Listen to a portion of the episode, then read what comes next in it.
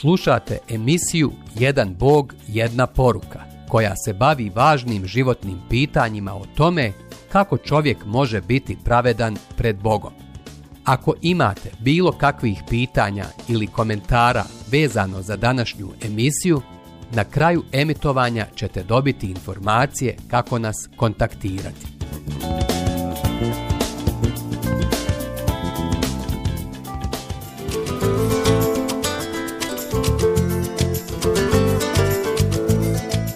Jedan Bog, jedna poruka. 27. poglavlje Nasilnik Recimo nešto i o Savlu i Tarza, religioznom zilotu koji je i ubijao Božije ime. Savle je rođen u Tarzu, danas na tlu Turske, za vrijeme Isusovog života. Nije vjerovao da je Isus Božiji sin i obećani Mesija. Nedugo po njegovom povratku na nebo, Savle je dobio posebna ovlašćenja od najviših hebrejskih vlasti da hapsi, sudi i ubija Isusove sljedbenike. Vjerovao je da tako služi Bogu, tako što ispituje, bičuje, zatvara ili ubija su narodnike koji su vjerovali u Isusa.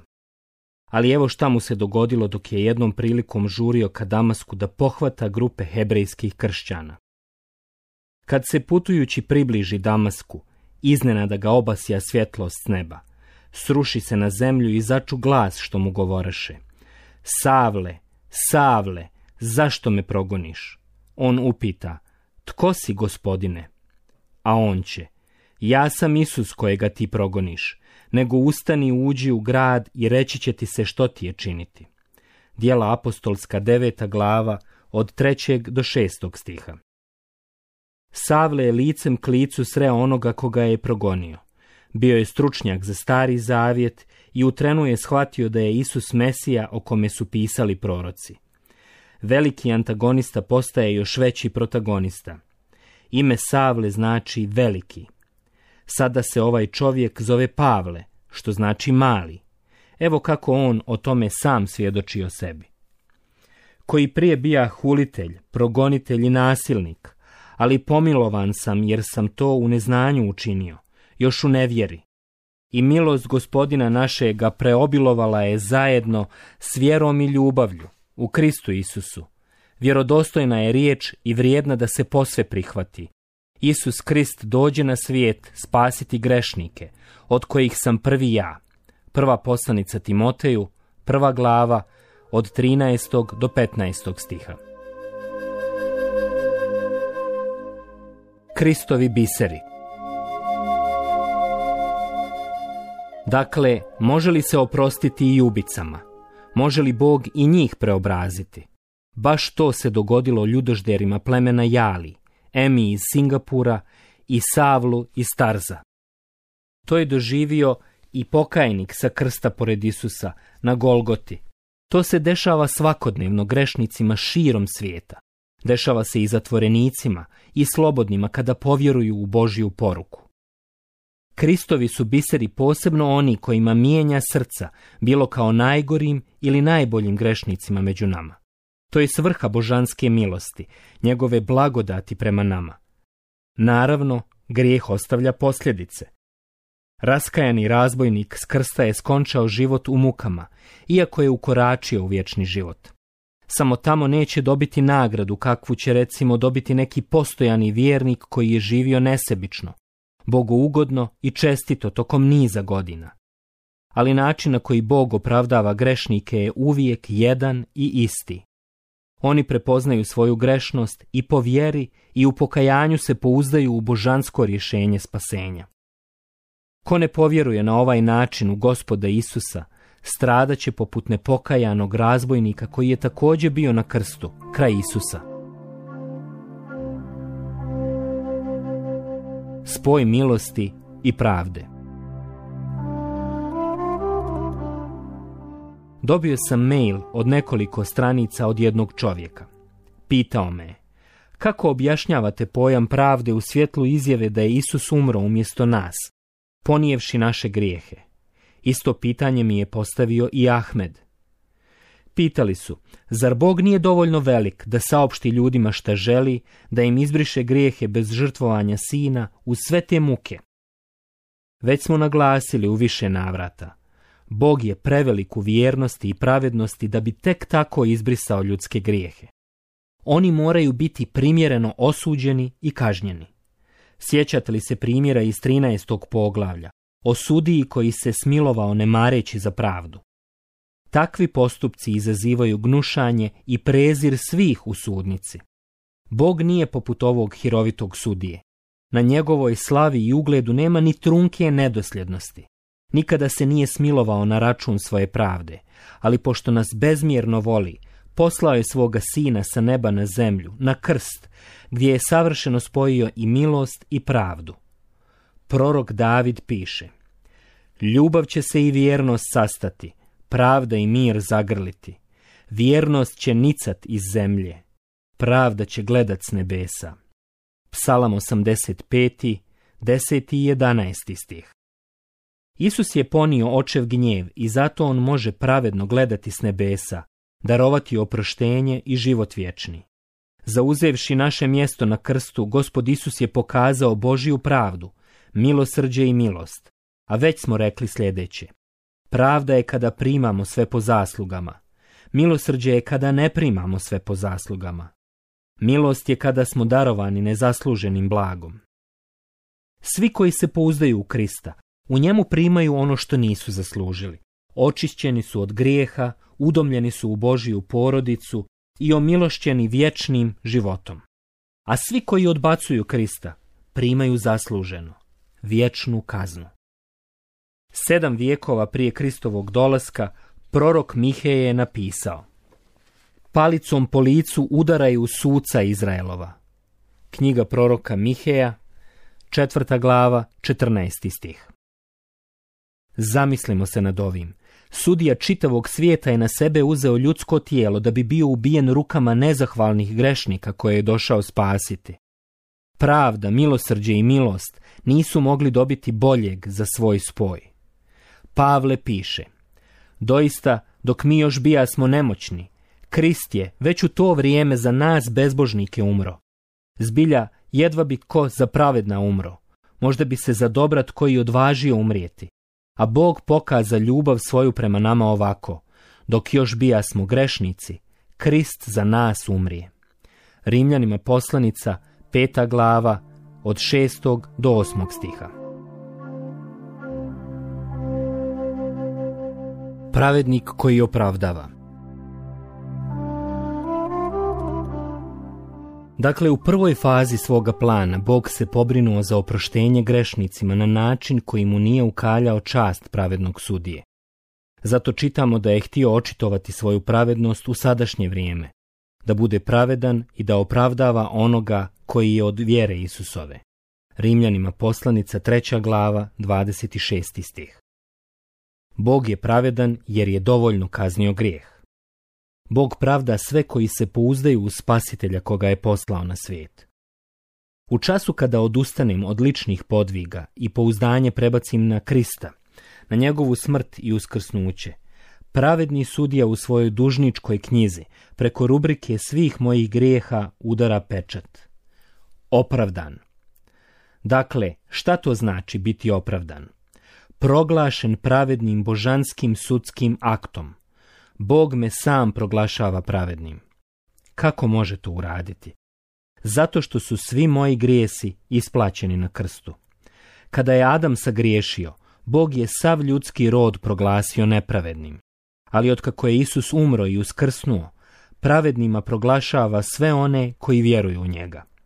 Pavle je napisao, Doista, kao što su neposluhom jednoga čovjeka mnogi postali grešnici, tako će i posluhom jednoga mnogi postati pravednici. Rimljanima poslanica, peta glava, 19. stih.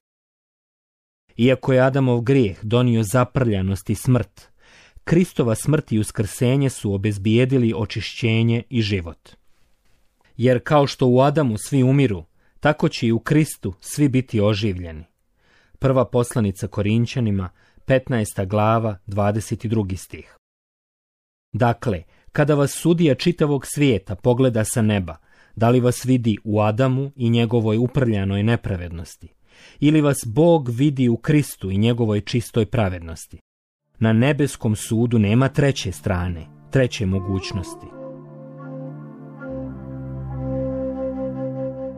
Ljudska dvostruka nevolja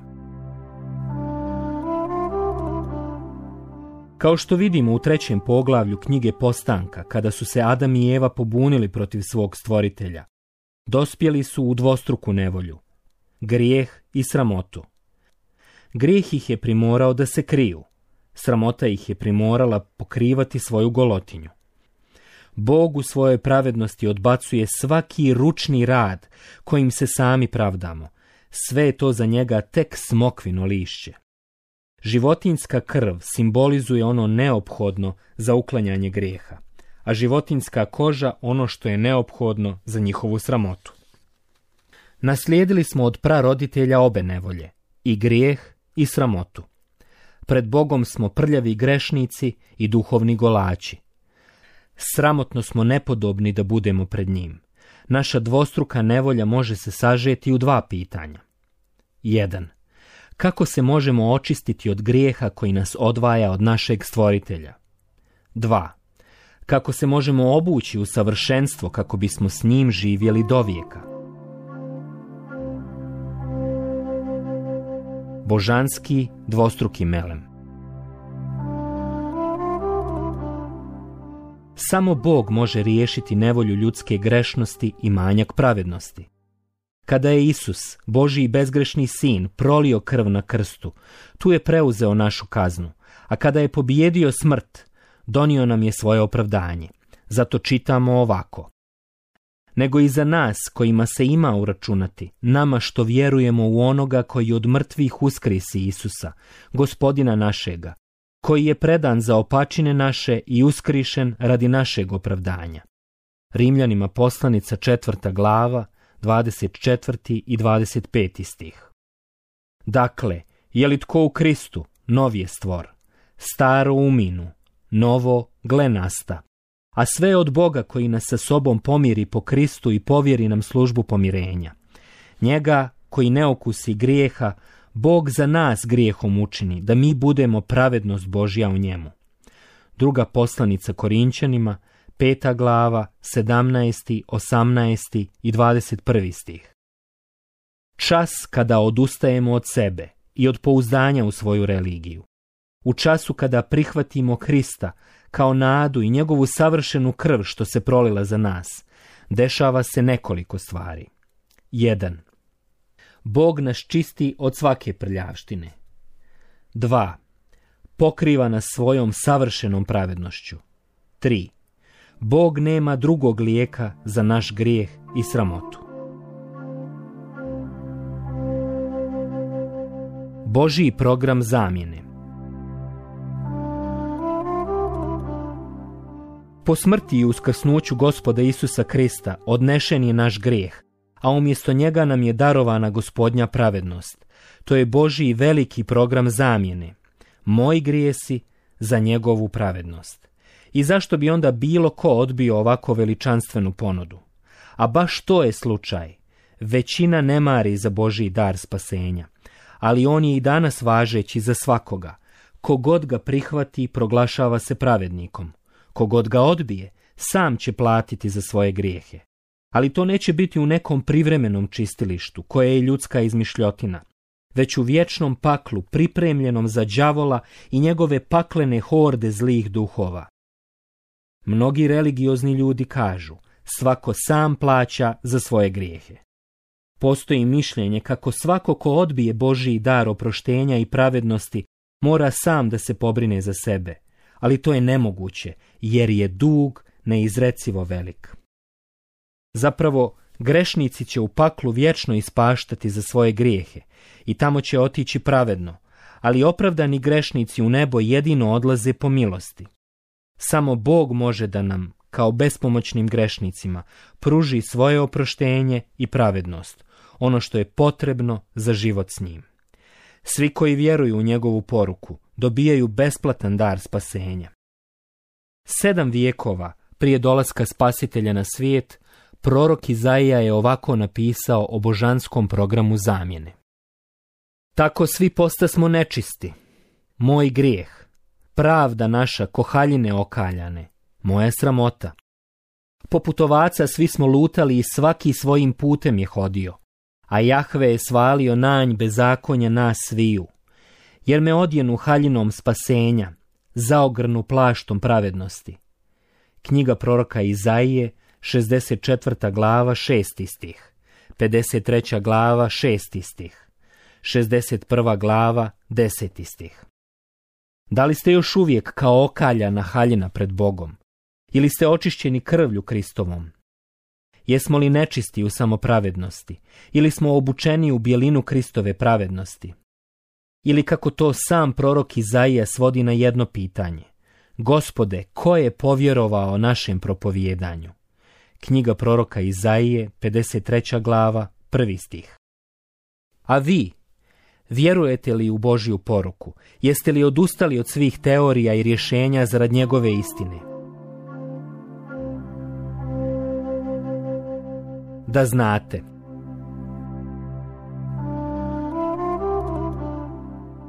Božja riječ nam poručuje. To napisah vama, koji vjerujete u ime Sina Božijega, da znate da imate život vječni. Prva poslanica Ivanova, peta glava, 13. stih. Ima tome godina kako sam razgovarao sa jednom jako religioznom ženom o Božijem daru vječnog života. Iako se smatrala kršćankom, nikada se zapravo nije pouzdala u Krista kao božansko rješenje spasenja. Rekoh joj, ja znam da me čeka nebo nakon smrti. Odgovorila mi je s gnušanjem. A, mislite da ste toliko dobri da ćete pravo u nebo, jel? Svakako da ne mislim tako. Nije to zbog moje dobrote, već zbog Božije. On je taj koji nam govori da znate da imate život vječni, ako vjerujemo u njega i sve što je učinio za nas. Jer plaća je grijeha smrt, a dar Božiji jest život vječni u Kristu Isusu gospodinu našem. Rimljanima poslanica, šesta glava, 23. stih. Kako je Ali došao do ovog saznanja? U prvom poglavlju ovog naslova spomenuo sam Alija, koga je porodica odbacila jer je povjerovao u Božiju poruku poput Bruna i on je bio 26-godišnja kada smo se sreli prvi put. Ali nije poput Bruna gacao u udovoljavanju svojim strastima. Šta više, bio je religiozan. Recitovao je dnevne molitve na poseban način. Držao se po mjesec dana dugih godišnjih postova. Trudio se da prema ljudima bude blagonaklon i slično. Ipak, u dubini srca je osjećao nespokoj noću bi ležao budan i razmišljao. Ispunjavam svoje vjerske dužnosti. I zašto se opet plašim vječnosti? O Bože, zar nema načina da saznam šta me čeka nakon smrti? Pitao je oca o ovome, a razgovarao s vjerskim vođama. Kako da budem siguran hoće li me Bog pustiti u raj? Svi su u glas ponavljali isto. Ne možeš to da znaš. Niko ne zna svoj usud. To samo Bog zna. Ne. To nije bio odgovor koji je zadovoljio Alija. Kod kuće i u školi su ga iz Kurana učili da je Isus, sin Merijemin, bio pravedni prorok koga je rodila djevica. Naučio je da je bio i silan čudotvorac, da je imao titulu Mesije, riječi Božije i duše Božije. Možda će mi prorok Isus dati odgovore za kojima tragam, pomislio je odlučio je da nađe knjigu o Isusu. Posle nekoliko sedmica smo se sreli, pa sam mu dao Bibliju koju je počeo pomno proučavati.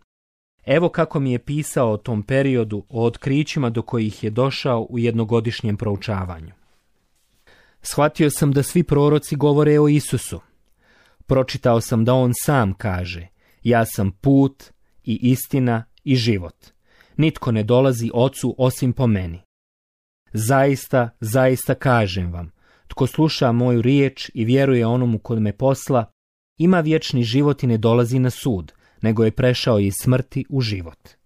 Ivanovo evanđelje 14. glava 6. stih i 5. glava 24. stih. Ovaj i drugi stihovi mi pomažu shvatiti i prihvatiti ko je Isus. Jedan i jedini spasitelj koji je prolio krv, umro i ustao iz groba da bi mi obezbijedio sigurno spasenje. Povjerovao sam u njega takvog, u istinu da je postradao umjesto mene zbog mojih grijeha.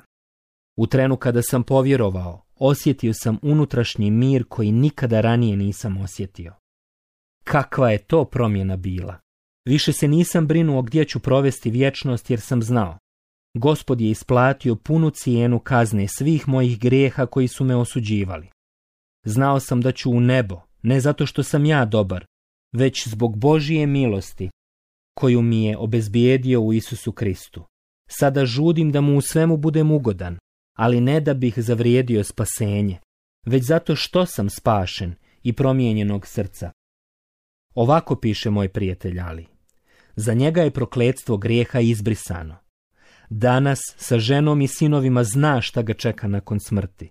Zna zašto je na zemlji da bude siguran, da voli, da služi svom stvoritelju i otkupitelju, da i druge vodi tom istom bogopoznanju. Smrt, sluga vjerujućih. Prilikom svog prvog dolaska na zemlju, Mesija je ispunio prvu od tri faze Božijeg plana poništenja posljedica, koje je grijeh donio svojim prokledstvom. Isus je životom, smrću, sahranom i uskrsenjem razorio naizgled nerazrušivi zid grijeha i smrti. Razbojnik na krstu, ljudožderi, Ema, Savle, Ali, Bruno, svi oni koji su prihvatili Božju poruku kao istinitu uživaju blagodati spasenja. Za vjerujuće u Krista, razvlašćen je surovi tiranin zvani smrt učinjen je poniznim slugom čiji je zadatak da otvara vrata neba na Božiju zapovijest. Baš kako piše psalmista. Dragocjena je u očima Jahvinim smrt pobožnika njegovih. Psalam 116. 15. stih. Ko bi ikada sanjao da pridjev dragocjen može ići uz imenicu smrt? Hvala Bogu što je jedini to mogao, što je to omogućio svima koji u njega vjeruju. Gdje je smrti pobjeda tvoja? Gdje je smrti žalac tvoj? A hvala Bogu koji nam daje pobjedu po gospodinu našem Isusu Kristu. Prva poslanica Korinčanima, 15. glava, 55. i 57. stih. Da, poništene su posljedice prokledstva koje je grijeh donio.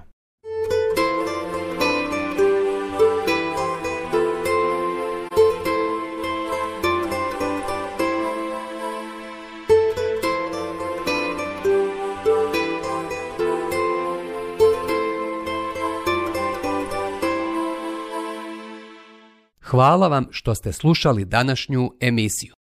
Kontaktirajte nas putem našeg e-maila putpravednosti.bih.gmail.com gmail.com ili putem naše Facebook stranice Put pravednosti. Do sljedećeg slušanja.